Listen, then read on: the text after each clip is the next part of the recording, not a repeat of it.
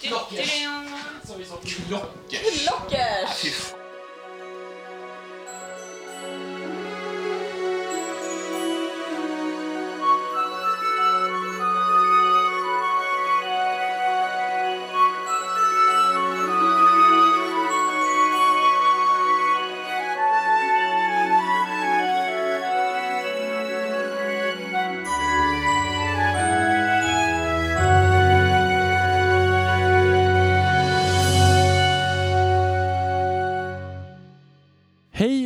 välkomna till det femte avsnittet av Tolkienpodden och det andra avsnittet i vår miniserie om filmatiseringar av Tolkiens verk. Från början var det ju tänkt att det här skulle stänga eller avsluta vår filmsvit men vi insåg under arbetet med det här att det fanns alldeles för mycket att säga. Så vi bestämde oss för att utvidga avsnitten om filmatiseringar från två till tre. Så det här avsnittet kommer att fokusera på adaptioner av The Hobbit framförallt. Och lite i slutet av avsnittet kommer vi också prata om de planer på en film om Tolkiens liv som nyligen har börjat poppa upp i media. Medan nästa avsnitt, alltså avsnitt 6, kommer att fokusera på filmatiseringen av The Lord of the Rings. Och precis som alla gånger tidigare så medverkar Elisabeth Bergander. Daniel Möller. och Adam Westlund. Eftersom det här är en pågående diskussion så dyker vi helt enkelt rakt in i den och börjar på en gång.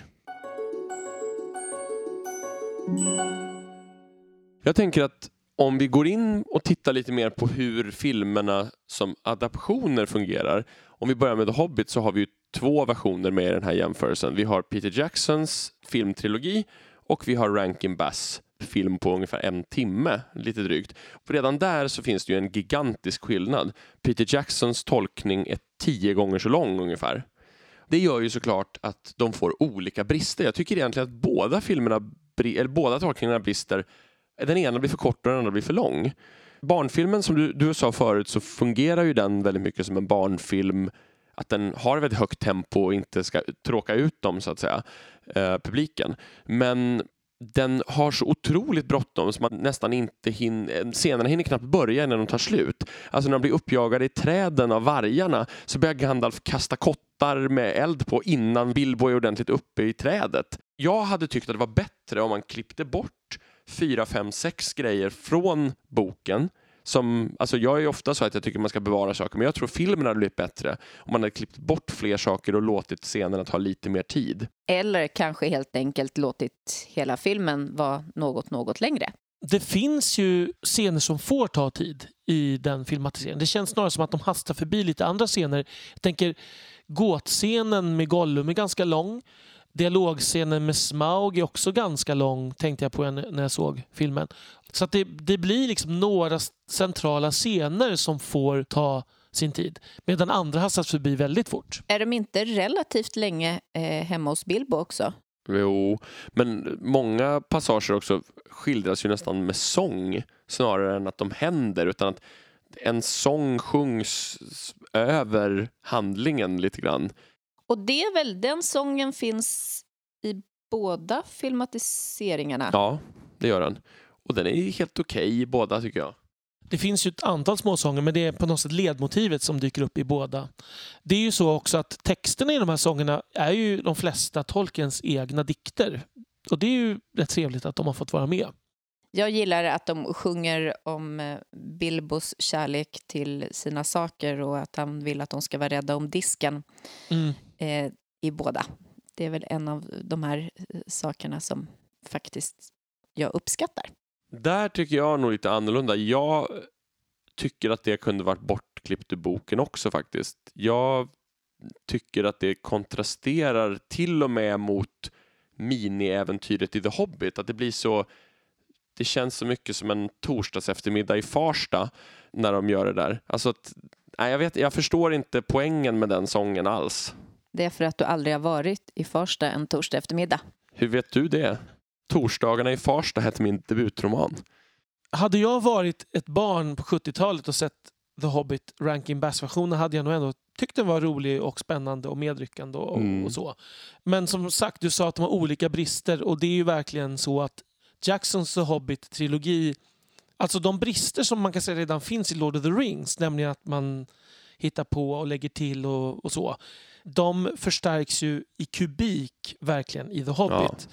Det är ju så mycket som läggs till, det är så mycket som ändras och det, framförallt det som läggs till är ofta väldigt motsägelsefullt, tramsigt och dåligt även filmiskt. Precis, det fungerar inte särskilt bra ens internt med Nej. sig självt så att säga. Nej, precis. Och framför allt mycket av det som läggs till i den förlängda versionen till exempel. Det känns som att det finns väldigt mycket Tolkiensk namedropping men det finns ingen röd tråd riktigt. De nämner Rodaur och Laskalen och massa sådana här ganska smala Tolkienska saker som jag antar ska vara en, en blinkning till fansen men de används i fel sammanhang och, mång, och, och i, i många gånger ändrar Peter Jackson också Midgårds historia. Till exempel att när skolorna är döda och återuppväcks. Det är en av de saker som gör mig argast i hela den filmatiseringen. För att han ändrar tusen år av Midgårds historia bara för att försöka förklara varför Sauron kallas nekromantiken, misstänker jag. Nog måste det ändå vara en stark konkurrent att han har slängt in ett triangeldrama mellan två alver och en dvärg. Den är ju en av de stora konkurrenterna. Men det, jag känner att det är, det är en helt annan typ av problem. Alltså det är Tolkien-nörden i mig som blir arg på det första och den andra så tycker jag bara att det funkar inte ens i filmen. Sen har ju jag väldigt svårt för att man kastar in karaktärer som inte har någon annan funktion att fylla än att eh, skapa material till tre stycken filmer. Jag kan inte se att det finns några, ja, möjligtvis att man vill ha in fler tjejer i Precis, filmerna. men det som är så sorgligt med det är ju att man tar in en kvinnlig karaktär för att det inte finns några och så blir hon bara ett love interest och har ingen annan reell funktion. Hade de bara, så att säga inom citationstecken, varit en vakt i Thranduils grottor där, det hade inte stört mig lika mycket som den här kärlekshistorien. Och det är väldigt typiskt också att man lyfter in en kvinnlig karaktär och det blir en kärlekshistoria av det. Jag skulle säga utav det som är tillagt i The Hobbit-filmerna, det som jag tycker funkar någorlunda, det är dels, den är inte riktigt tillagd, men den är utökad, så är det backstoryn med dvärgarna. Eh, Jag tycker att den funkar helt okej. Den ger på något sätt någon slags bakgrund. Du tänker ju anknytningen till slaget till Assal Nulbisar och Ja. ja, hela den biten. Exakt. Det är inte alltid skildrat som man skulle vilja skildra men jag tycker att det ändå Mm. det fyller en filmisk funktion. Det ger lite mer substans till plotten kan man Ja. säga. Sen tycker jag att det är lite kul för mig bara att se de här Vita rådet-scenerna. Jag tycker de ibland fungerar. Man vet ju ändå att det finns någon slags koppling till boken, att det, det pågår saker. Ja, en uråldrig Christopher Lee som actionhjälte Ja. var lätt, lätt kul att se. Bara en sån sak. Men sen, det här triangeldramat har jag också otroligt svårt för. Och hela den här grejen med att orken anfaller Sjöstad och Filia eller Kilia, jag kommer aldrig ihåg vem som är vem, blir förgiftad med en pil och alla dvärgar inte kan bege sig upp till berget. Och det är så mycket grejer på vägen. Och Radagas som dyker upp med en kaninsläde i första filmen. Ja, det är så mycket som är märkligt. Och sen en annan sak som är märklig det är att man har inte kunnat på något sätt komma fram till vilka av de här skurkarna som är huvudskurken. Att om det är Azog eller Bolg som båda dyker upp i filmen på något sätt får lite olika stor roll i de olika filmerna. Jag ser det lite som att vi har gjort Bolg till Asogs liksom, sidekick. För Bolg är ju Ja. Asogs son. Och Asog är ju alltså, finns ju i Midgård. Asog dör i slaget vid Asal Nulbisar ungefär 100 år före Eh, eller hund- ja, 100-150 år före handlingen. Men jag tycker att om man nu var tvungen att ha en ork som jagar dem, om man tycker att det behövs så mycket mer press i storyn, varför gjorde man inte bara Bolg som redan fanns i historien till den orken? Som ni hör är vi inte helt nöjda med den här filmatiseringen. Och jag, det kan ju vara på sin plats kanske att förklara att jag tror till vissa delar Peter Jackson heller inte riktigt nöjd. För att han fick ju så otroligt lite förberedelsetid och fick ta över det här projektet när det var så långt gånget att han var ju tvungen att planera filmatiseringen och skriva om manuset medan han filmade, vilket förstås är en helt ohållbar situation. Du skickade mig något klipp Daniel, där Peter Jackson pratade om hur han hade jobbat och det verkade helt, fullständigt orimligt. Jag, jag blev nästan, utifrån det blev jag nästan förvånad att det inte blev sämre än det Mm. blev. Pressen från filmbolaget måste ha varit enorm. Det bästa nästan med de här filmerna har vi redan konstaterat. Det är ju Martin Freeman som Bilbo. Han, även i scener där han inte har någon dialog så finns han med och, och fångar på något sätt Bilbos väsen. Och nästan alla scener där han dominerar, så dominerar han. så att Mm. säga. Alltså han, eh, han tar sig an den här rollen och gör, gör den verkligen till sin egen. Och scenerna med både honom och Andy Serkis är väldigt bra, tycker jag. Ja, jag kan bara instämma. Jag tycker att han är en fantastisk länk till eh, mig som tittare. Att jag både kan se genom hans ögon eh, på den här enorma världen som han tvingas ut i och, och se det från att han är en liten och hur också han växer under filmens gång. Nu får han ju extremt lång tid på sig att växa i förhållande till vad han fick i boken, men han tar tillvara på den, tycker jag.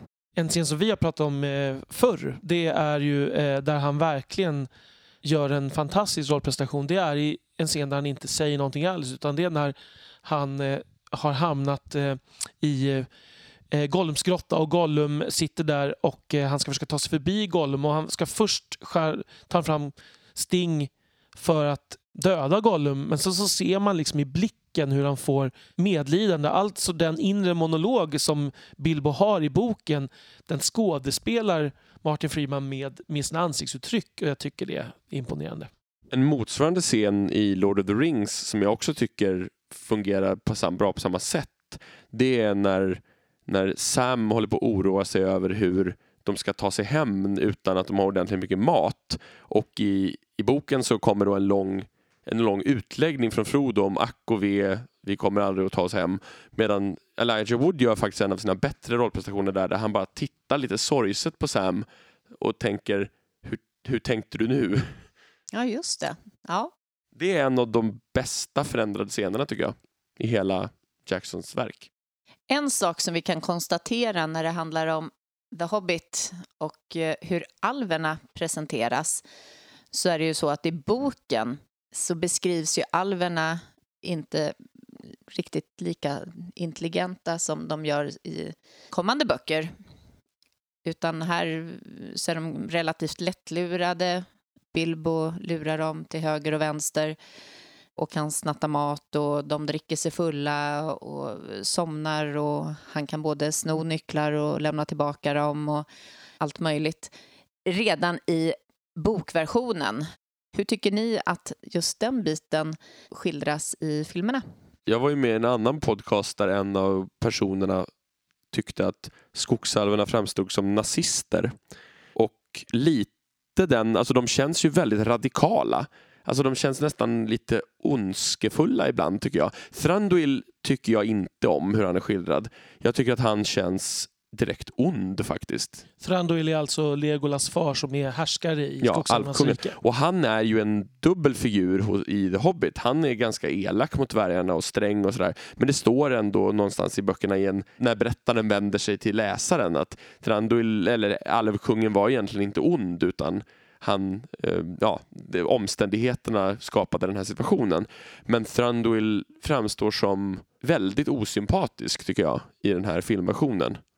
Där han till exempel halshugger en ork som han har lovat att få gå eh, och Legolas ifrågasätter det här. Varför gjorde du så? Och han sa, du sa ju att du skulle befria dem. Jag befriade hans huvud från kroppen. Vilket känns som en väldigt typisk så här bad guy-kommentar.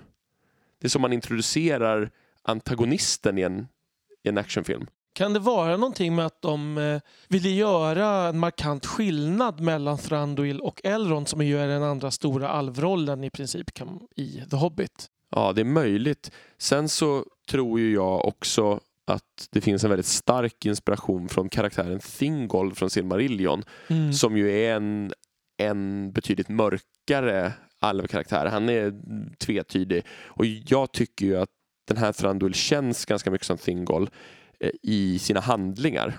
Det är ju å andra sidan en ganska spännande parallell om de har gjort den medvetet. Ja, det, jag vet inte om det är en medvetenhet, men jag får den känslan. Dock så tycker jag att det finns en, en lite konstig dimension i honom. Hans, jag tycker ju att, jag, jag kommer inte ihåg vad skådespelaren heter. Lee Pace. Ja, det stämmer nog. Jag tycker han spelar över ganska grovt. Ehm, och jag tycker att han ser väldigt undlig ut. Han är för övrigt yngre än Orlando Bloom som spelar hans son. Annars så är det ju redan i eh, väldigt stor skillnad just på alverna som bor i Riftedal och skogsalverna. Och eh, i de tecknade versionen där har de verkligen tagit fasta på det här och gjort dem till helt olika arter. Elrond i eh, den tecknade versionen av Rankin Bass, han, han har för övrigt ett långt skägg och så har han någon konstig stjärngloria. Så. Men han är en vis man. Medan Thranduil och skogsalverna är någon helt annan typ av art. Med grå hud och ser ut som någon slags eh, svartalfer eller någonting från Drakborgen. Ja, det var bra beskrivet. Det är verkligen. De hoppar omkring på ett helt annat sätt och rör sig inte riktigt som människor.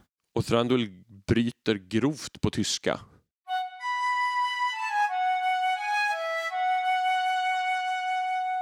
Om vi nu pratar om mörkveden så är det ju så att de tar sig in i den där skogen och sen så mm, har man någon känsla av att det ändå går ganska fort därigenom. Trots att man har gjort väldigt lång version i Peter Jacksons filmatisering så är de där inne ganska kort period. I boken är de där betydligt längre. Och något som jag saknar där det är just det här att de i boken så följer de alvernas eldar. De ser en eld och de hör att det äts. Och, Skratt och glam. Ja, precis. Och så följer de efter och sen så när de kommer till gläntan så slocknar alltihopa. Och sen så har de hamnat djupare och djupare in i skogen och går totalt vilse. Och sen träffar de på de där små obehagliga krypen. Spindlarna alltså, Ja, precis. inte alverna. Och det där är ju väldigt spännande för det där är ju en väldigt klassisk eh, alltså elva alvförtrollningstematik som tolken lånar med, med älvor all, slash alver som lockar dödliga längre och längre in i skogen i något förtrollat rike. Och dessutom så är ju själva berättelsestrukturen där sån så att de när de bryter mot rådet, lämna inte vägen. Det är då det börjar gå åt skogen. För jag tänker att det är, det är en väldigt vanlig sagotematik det här att man varnas för någonting och sen så känner man under de här omständigheterna måste jag ändå göra så. Och de känner att de är så hungriga så de måste lämna vägen. Men det står, skriver ju till och med tolken som allvetande berättar att om de bara hade gått en liten bit till så hade de kommit ut och sluppit allt det här. Det man märker också är att Peter Jackson och Fran Walsh och Philippa Boyens som har skrivit manuset, de har ju fått kämpa lite med att få de här dvärgarna att bli unika personligheter och lyckats mer eller mindre bra. Jag, jag kan förstå eh, att man vill göra det för att vi ska kunna relatera till dem överhuvudtaget. Och några har de lyckats bättre med, andra lite sämre. Och i denna given har de också gett dem väldigt olika design, mer eller mindre lyckat. Jag vet inte om jag kan kritisera beslutet egentligen, men de är ju egentligen inte personligheter i boken särskilt tydligt. Men man är ju tvungen att göra någonting när man gör en film. Särskilt när man gör tre filmer kanske. Och om vi då tittar på hövdingen i, den här, i det här sällskapet så blir det ju väldigt intressant. Eh, Thorin, han, om vi jämför hur han eh, gestaltas i Peter Jacksons film och jämför med den tecknade versionen så skulle nog ingen kunna plocka ut dem i en line-up. Jag skulle säga att eh, den tecknade versionen ser ut ungefär som en klassisk svensk skogstomte. Långt vitt skägg, stor näsa, eh, luva på huvudet och en gammal gubbe. En miniatyr av Gandalf skulle jag säga. Ja, de är rätt så lika, men Gandalf har mycket mindre ögon och andra ögonbryn, men annars så är de väl rätt så lika. Medan Thorin i Peter Jacksons version är ju betydligt yngre, väldigt snygg och har en helt annan personlighet också. Han är inte den här lite småfega, gnälliga gubben som han är eh, i den tecknade versionen utan han är en, en konung på väg för att ta tillbaka sitt rike på samma nivå som Aragorn är i Sagan om ringen-filmerna nästan. Mm, och det är förstås ett medvetet val som manusförfattarna har gjort här. Jag tycker att Richard Armitage gör det ganska bra utifrån den, det manus som är och, och, så. Jag har sett honom live dessutom i en teaterföreställning. Han var fantastiskt bra. Um, men uh, sen kan man diskutera om det var rätt beslut. Jag stör mig inte så mycket på att man har gjort honom yngre och snyggare. Eh, men däremot så tycker jag att man har gjort honom onödigt dryg och uppblåst. Jag vet faktiskt inte om det hade varit nödvändigt och jag tycker inte att det är så han skildras i boken. Nej, han är verkligen inte dryg och uppblåst. Han, han har ju andra dåliga sidor. Han är ju snål och feg och, och sådär i boken. Um, och kanske mer klassiskt det som förknippas med dvärgar, mytologiskt kan man säga. Uh, men däremot så tycker jag också att de har drivit upp den här, det här konceptet med dragon sickness. För Tolkien skriver på ett ställe i The Hobbit att Sjöstads herre, det vill säga han som spelas av Stephen Fry i böckerna, eh, i filmerna, drabbas av dragon sickness, alltså att han får en, ett jättesug efter guld. Och det här har Peter Jackson på något sätt gjort till någon allmän förbannelse över dvärgarna, som han har, där har han fått inspirationen tror jag, för han kallar det för dragon sickness. Och Thorin blir ju inte bara, han, det är klart att det finns en sån aspekt i boken också, att han blir girig efter guldet och, blir lite oresonlig. Men här är det som att han faktiskt blir mentalsjuk och han har hallucinationer och faller ner i någon sorts guldhav. Och... och det tycker jag ändå är lättare att acceptera än att han är otrevlig och dryg mot Bilbo under så lång tid tidigare. För att de värdesätter ju faktiskt honom eh, vid flera tillfällen. Och han, han var ju väldigt anti, i filmen är han ju väldigt anti att Bilbo hänger på överhuvudtaget. Mm. Det är väl för att man vill ha någon sorts utvecklingsbåge där i deras relation och att precis när de har liksom försonats på slutet så ska Thorin dö. Apropå Dragon Sickness, vi har inte pratat överhuvudtaget om Smaug. Nej, och det, det kan ju vara rimligt eftersom han på något sätt eh, ändå är en eh, viktig figur i både böckerna och filmerna. Men är det inte lite symptomatiskt på något sätt att vi inte har nämnt honom för att han kommer ju bort lite grann i The Hobbit av Peter Jackson.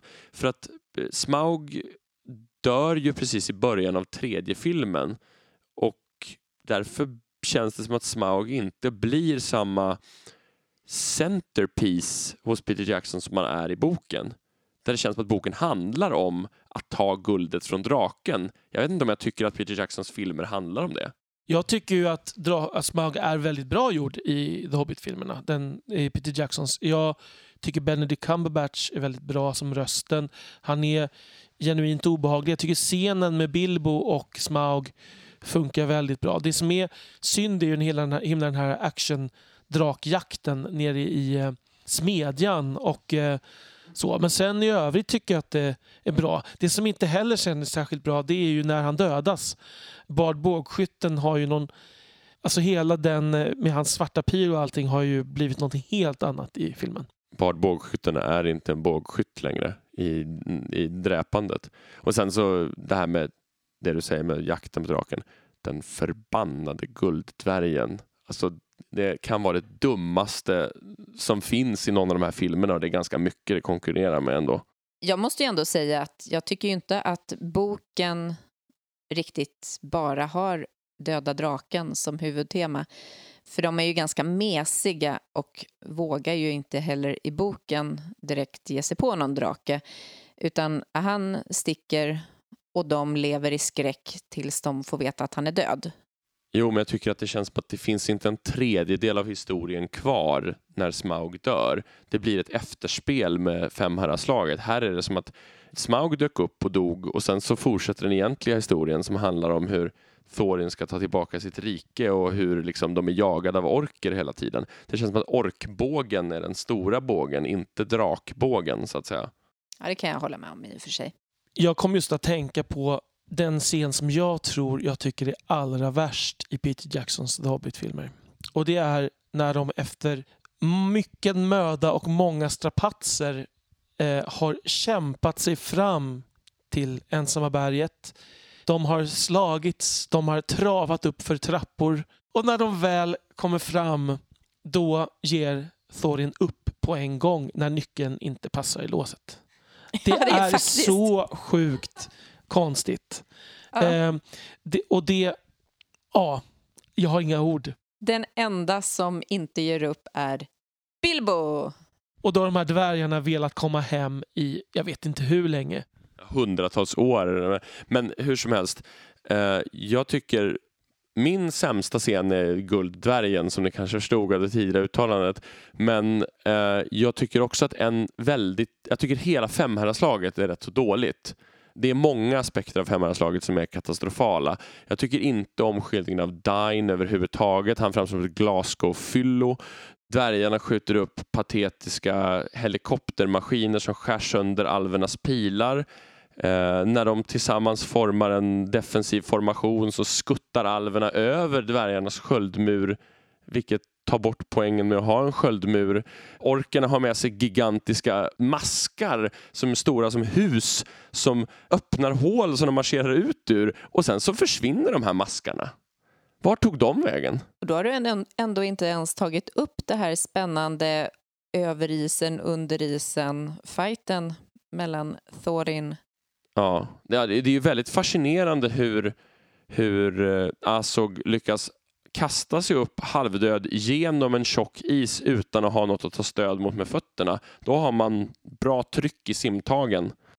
Nu har vi dissekerat uh, The Hobbit, men jag vill ändå bara påpeka att jag tycker att Ed Sheeran gör en fantastisk låt till det tycker ena inte filmen. Jag. jag tycker Billy Boyd sjunger väldigt fint i sista filmen. Dessutom. Den är betydligt bättre än Ed Sheeran.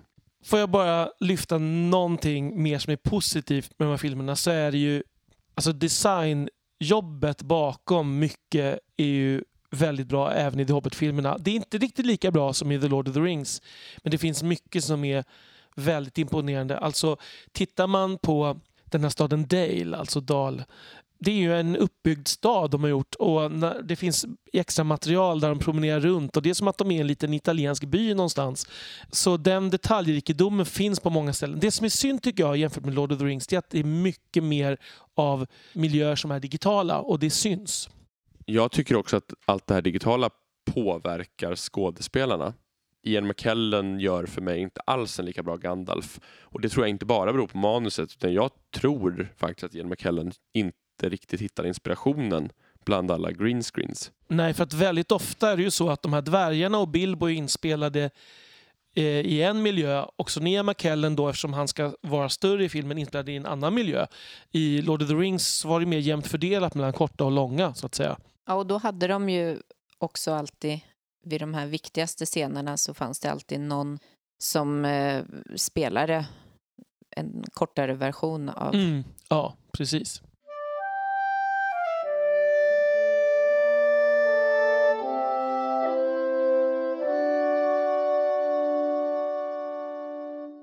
Ja, då har vi alltså suttit och om vi ska vara helt ärliga så har vi mer eller mindre både dissekerat och massakrerat eh, den här filmen. Men om vi ska summera det hela. Vad har vi egentligen för intryck av de här två skildringarna av The Hobbit? Om man ska börja med stämningen så är den radikalt annorlunda mellan Rankin Bass Hobbit och Jacksons Hobbit. Stämningen hos Jackson är storslagen och det, det är en undlig blandning mellan det pampiga och det fåniga. Ja, slapstick-humor och dvärgar som badar nakna i fontäner. Blandat med det här jättestora återerövrandet, det superepiska Misty Mountains soundtracket. Han har ju verkligen försökt med det episka att knyta an till The Lord of the Rings så mycket som möjligt. Och det, jag kan förstå det. Rankin Bass behövde inte alls tänka på det. De Nej. kunde göra en barnfilm. Och jag skulle hävda att även om man, om man sätter de här två filmerna bredvid varandra så är väl ändå på något plan Peter Jacksons Hobbit något jag hellre skulle titta på. Men jag tycker nog nästan att Rankin Bass film fungerar bättre för vad den är. Jag tänker att Rankin Bass Hobbit-version kan inte riktigt konkurrera på allvar just för att den är en sån extremt komprimerad och extremt barninriktad version. Den gör aldrig något riktigt försök att vara någonting annat än det. Och det betyder att den har inte musklerna att mäta sig mot en lång version som, som är riktad till stor del till vuxna. Medan Peter Jackson har en del bra idéer och jag förstår hur han tänkte på många ställen. Vad, vad han försökte uppnå och vilka utmaningar han mötte. Framför allt i ljuset av Ringen-trilogin som han redan hade gjort. Men jag tycker tyvärr att det inte blev så bra. Så man kan egentligen säga att en barnfilm passar bättre till en barnbok i det här fallet. Ja, absolut. Höjdpunkterna, musiken. Ja, jag tycker att Howard Shore är inte riktigt lika vass som han är i The Lord of the Rings. Men jag tycker att Misty Mountains är en oerhört bra låt och jag tycker att det eller oerhört bra tema också, för det återkommer ju många gånger sen. Men jag tycker att det är väldigt hög nivå generellt också. Det känns som att han inte fick riktigt lika fria tyglar på något sätt i The Hobbit. Jag tror att han, eller kanske snarare att han kände inte samma kreativa energi. Han ser nog på Lord of the Rings-musiken som sitt livsverk skulle jag tro. Han har ju gjort om det till en symfonisk svit som han är ute och dirigerar och, och The Hobbit kanske inte riktigt utmanar honom på samma sätt men det är klart att musiken är fortfarande väldigt bra. Jag tycker musiken i Rankin Bass, för vad det är återigen, en tecknad tv-barnfilm från 70-talet så är det ändå liksom, det är riktig orkester och det är trallvänliga sånger som liksom funkar i en barnfilm från 70-talet. Jag tycker att det är helt okej. Och som dessutom gör ett ganska effektivt jobb med att föra berättelsen framåt för att man har så bråttom. Sen tycker jag att en styrka i båda filmerna, men framför allt hos Jackson, är ju Bilbo själv. Eh, som vi har nämnt flera gånger. Eh, Martin Freeman gör ett jättebra jobb. Jag tycker också att Rankin Bass Bilbo är en bra skildring av Bilbo i det stora hela ändå. Om än väldigt reducerad på många sätt. Ja, och sen är det så att det finns vissa saker som självklart är mycket bättre hos Jackson. Alltså Gollum till exempel. Ja, det är ju förskräckligt. Ja, den här grodan. Och även orkerna, vättarna alltså, skulle Usch. jag säga. Orkerna påminner mig väldigt mycket om den här gamla eh, barnboken Till vildingarnas land. Ja, som i sig är väldigt charmig. Ja, men så är, inte- ser inte mina orker ut. Nej, inte mina heller. Skulle man kunna säga att eh, The Hobbit känns något mer krystat än vad det skulle kunna göra?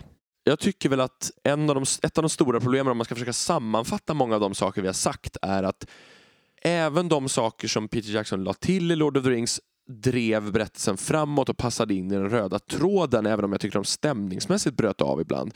I The Hobbit så känns det ibland väldigt ofokuserat och spretigt och det uppstår bihandlingar och bikaraktärer som sen inte leder någonstans.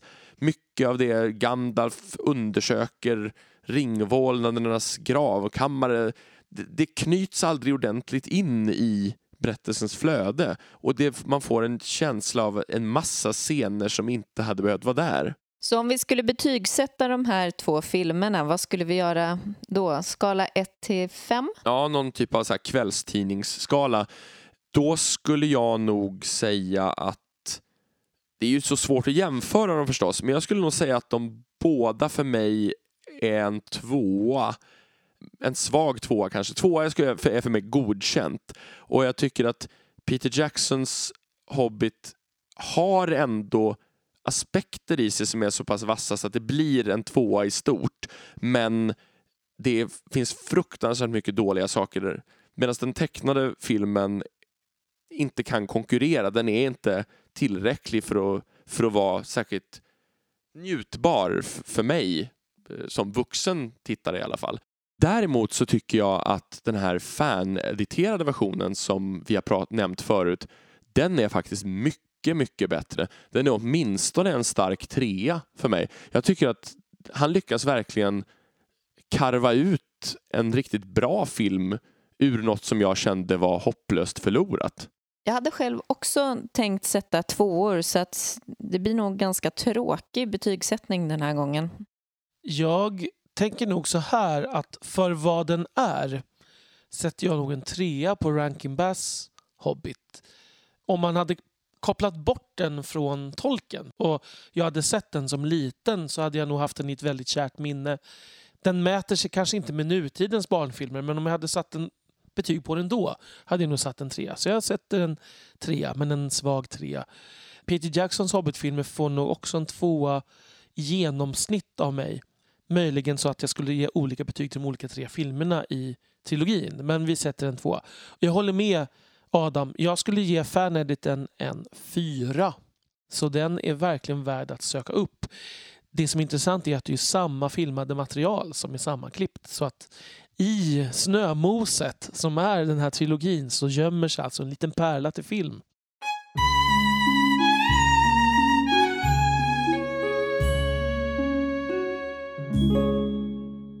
Under senaste året så har det ju kommit lite indikationer och man har läst i tidningar och sådär om att det kommer att göras en film om Tolkiens eget liv. Och vad säger ni? Är det något vi ser fram emot att se? Absolut. Jag har faktiskt tänkt flera gånger att Tolkiens liv, många aspekter av Tolkiens liv är ovanligt bra för en dramafilm eller för en romantisk dramafilm till exempel. Det är ovanligt med den typen av kärlekshistoria i verkligheten när man blir förbjuden att träffas och väntar och hela den biten. Och dessutom med den sorgliga aspekterna med Tolkiens vänner och armén och allt sådär. Och det är ju precis det som det verkar som att den här filmen kommer att fokusera på om de ryktena stämmer så jag, ser jag väldigt mycket fram emot filmen. För jag har väldigt svårt för såna här biopics där man försöker liksom gapa över för mycket och få med hela personens liv. Eh, jag tycker sällan att det blir särskilt bra. Jag tycker att det blir ytligt och liksom, det finns inget djup. Eh, men här tror jag att om man fokuserar på de här, den här delen av Tolkiens liv som ju måste nog vara den mest dramatiskt utifrån sett intressanta delen av hans liv. Sen när han liksom satt hemma och knåpade böcker, det kanske inte är så jättespännande att se. Så nej, då, då, jag, tror, jag tror det kan bli, om man gör det bra, och det, det finns ju alla möjligheter att göra, så då kan det bli riktigt bra tror jag. Så du hoppas att de inte tar upp hans tid i Oxford egentligen? Alltså ryktena verkar ju röra sig där i hans studietid och sen då eh, när han deltog i kriget tillsammans med sina inte tillsammans, men samtidigt som sina vänner. Och ramar man in det så, så tror jag att det, det räcker. Jag tror inte man behöver liksom det, det är det som är den dramatiskt sett tror jag, intressantaste delen i Tolkiens liv att se för en åskådare. Precis, och jag, jag tänker att det här knyter an till ett eller kanske till och med två avsnitt som vi, saker vi har berört tidigare. Mm. För att dels så har vi ju den här aspekten att han förlorar många av sina vänner under kriget och de vännerna har han ju många gånger fått under studietiden. Mm. Och dels så har vi kärlekshistorien med Edith som ju under den här tiden så, så har, han väl, har de väl fått bli ett par precis. Men det är ändå så att det, han är borta i kriget precis efter att de till slut har fått vänta på varandra så att säga. Jag tänker att anledningen också till att det här är intressantast kanske att göra en film av det är att det liksom lägger grunden till allt som han skriver om egentligen och allt som händer sen.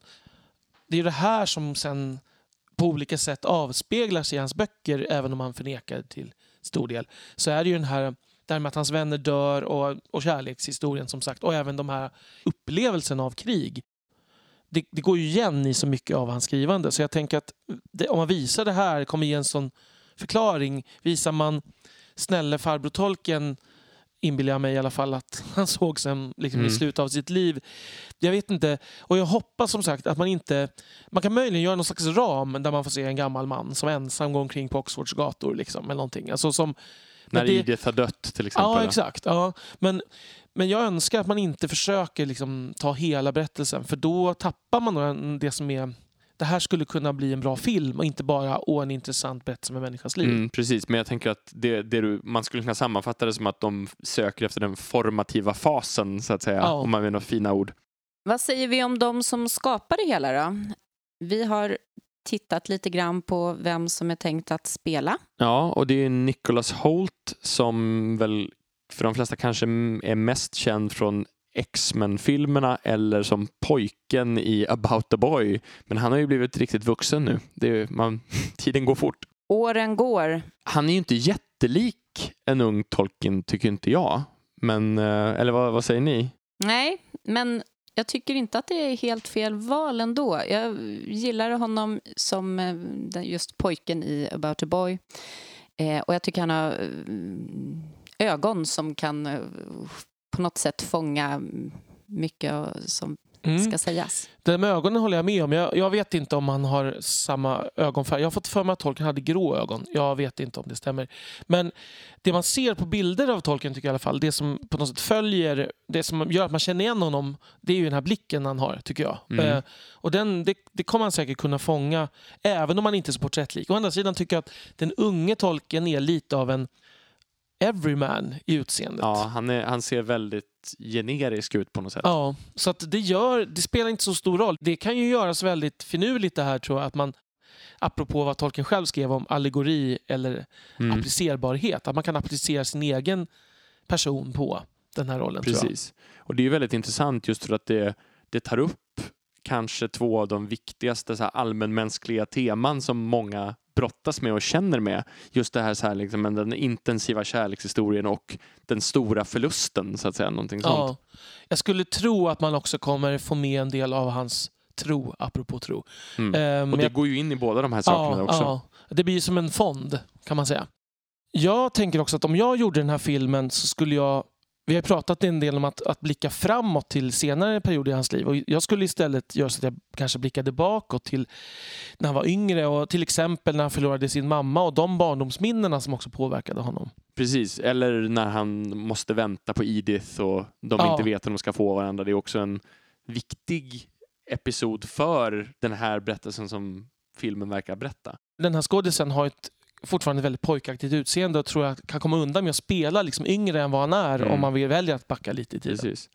Men en sak som jag har tänkt på som antagligen kommer täckas i tid av den här berättelsen, det är den här scenen i Beren och Luthien där den, den som är väldigt känd när Luthien dansar för Beren och han ser henne där. Den som finns i, i, i dikten och i Lay of Leithian och i alla versioner där Tolkien själv har berättat då att det är en återspegling av hur Edith dansade för honom när han var på permission från armén. Mm.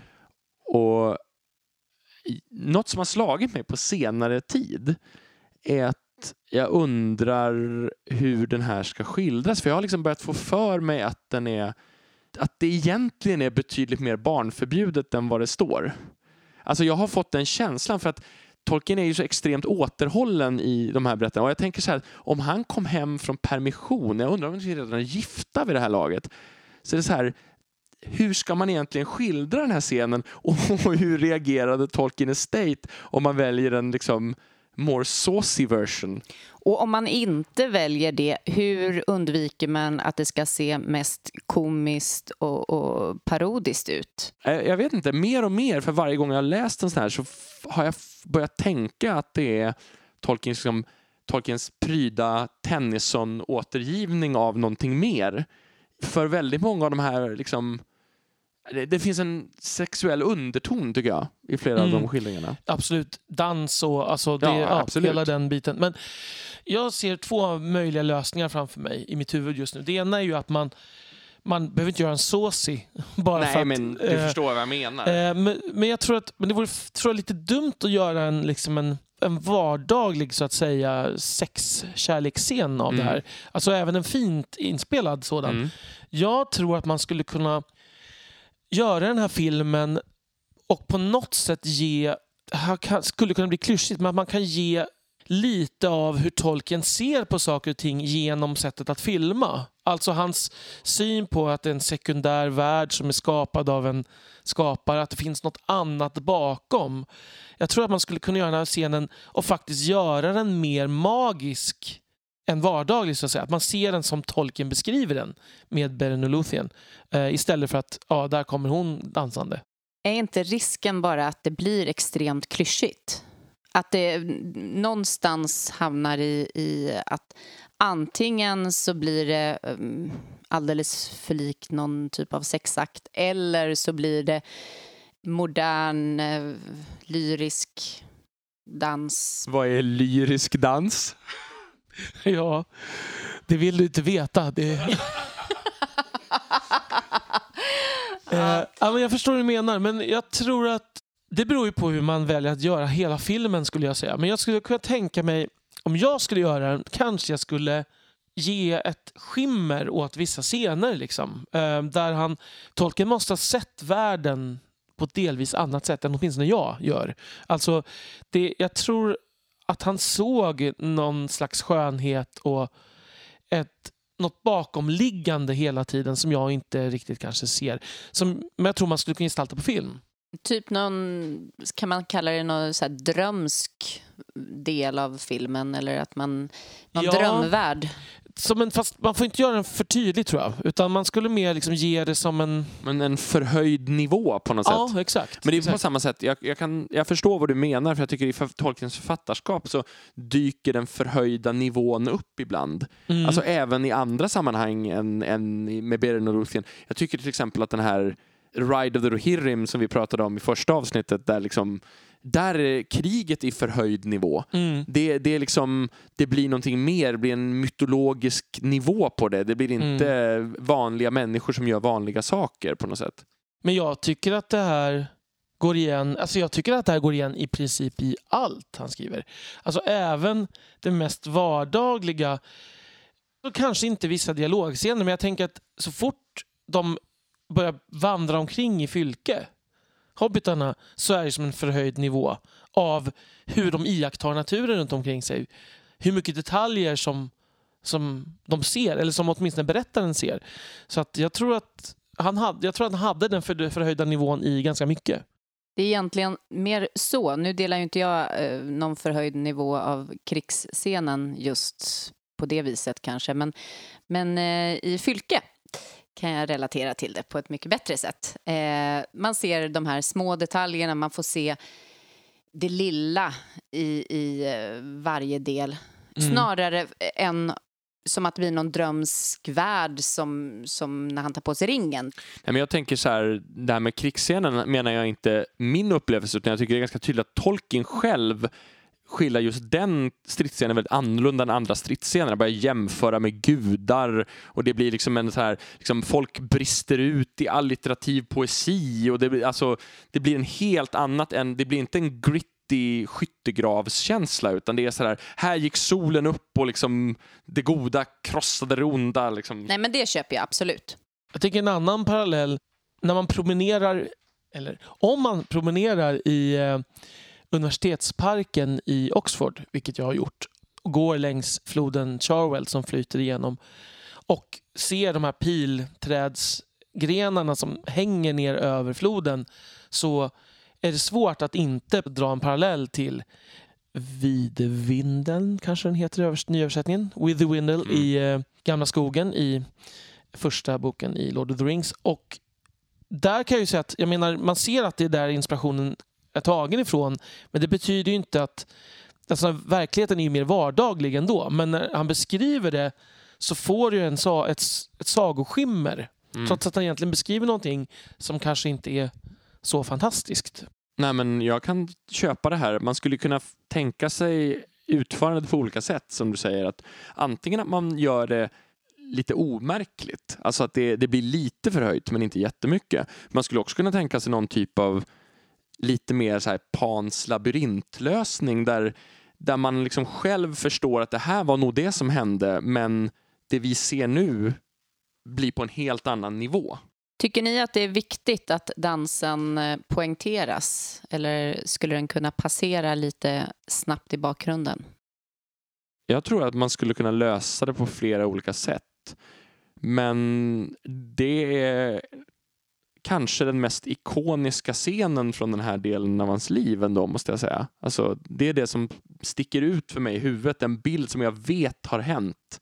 Ja, Jag håller med. Eh, Jag tycker, jag hoppas att den kommer att vara med, men jag är livrädd att den kommer att göra så den känns löjlig och då vill jag hellre att den inte finns med. Vi hoppas på att de har god smak, de här filmskaparna. Apropå filmskapare, vem är det egentligen som ska regissera den här filmen? Ingen som jag hade hört talas om Nej, inte jag tidigare. heller, men Adam har koll. Det är en 40-årig finsk regissör som heter Dome Karokoski och jag har inte sett någon av hans tidigare filmer heller, men han verkar vara ganska stor i Finland och han har, jag tror han har åtta tidigare långfilmer på, på sitt CV. Det är intressant att det är en finsk regissör med tanke på hur mycket Tolkien älskade finska och även de här finska myterna. Det, alltså där kan ju regissören hitta någonting tror jag som man skulle kunna spinna på. Ja, nej men jag har fått bilden faktiskt. Jag har pratat med en del finska Tolkien-entusiaster att Tolkien är ganska stor i Finland, alltså på en lite bredare nivå än här i Sverige skulle jag säga. Att just för att man ser kopplingen till Kalevala och alla de sakerna. Så Mm. Många Tolkien-relaterade hemsidor och sådär, många sånt är, saker är baserade i, i Finland har jag märkt. Mm. Och vi har ju pratat tidigare om den här att det finns en finsk tv-version av The Hobbit och Lord of the Rings, vilket är ganska otippat egentligen. Ja, verkligen. Eh, Så ja, det verkar ju finnas en ganska stor, stark koppling där. Manus kommer inte skrivas av honom utan det är David Gleason och Steven Beresford som skriver det så att vi får ju inte en hel finsk Nej, nej Crew. precis. Men, eh, och det är väl kanske samtidigt klokt. Alltså, jag antar att de är engelsmän som bör kunna fånga det här.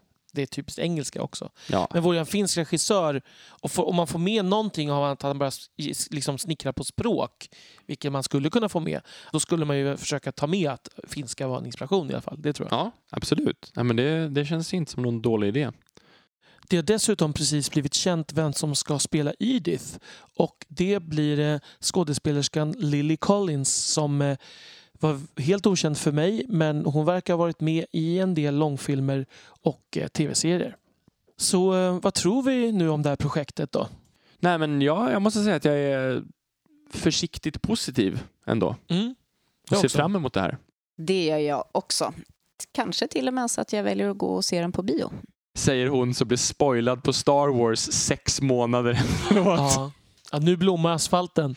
Ja, Ja, jag kommer nog garanterat att se den på bio ja jag säga. det, jag är helt övertygad om det också.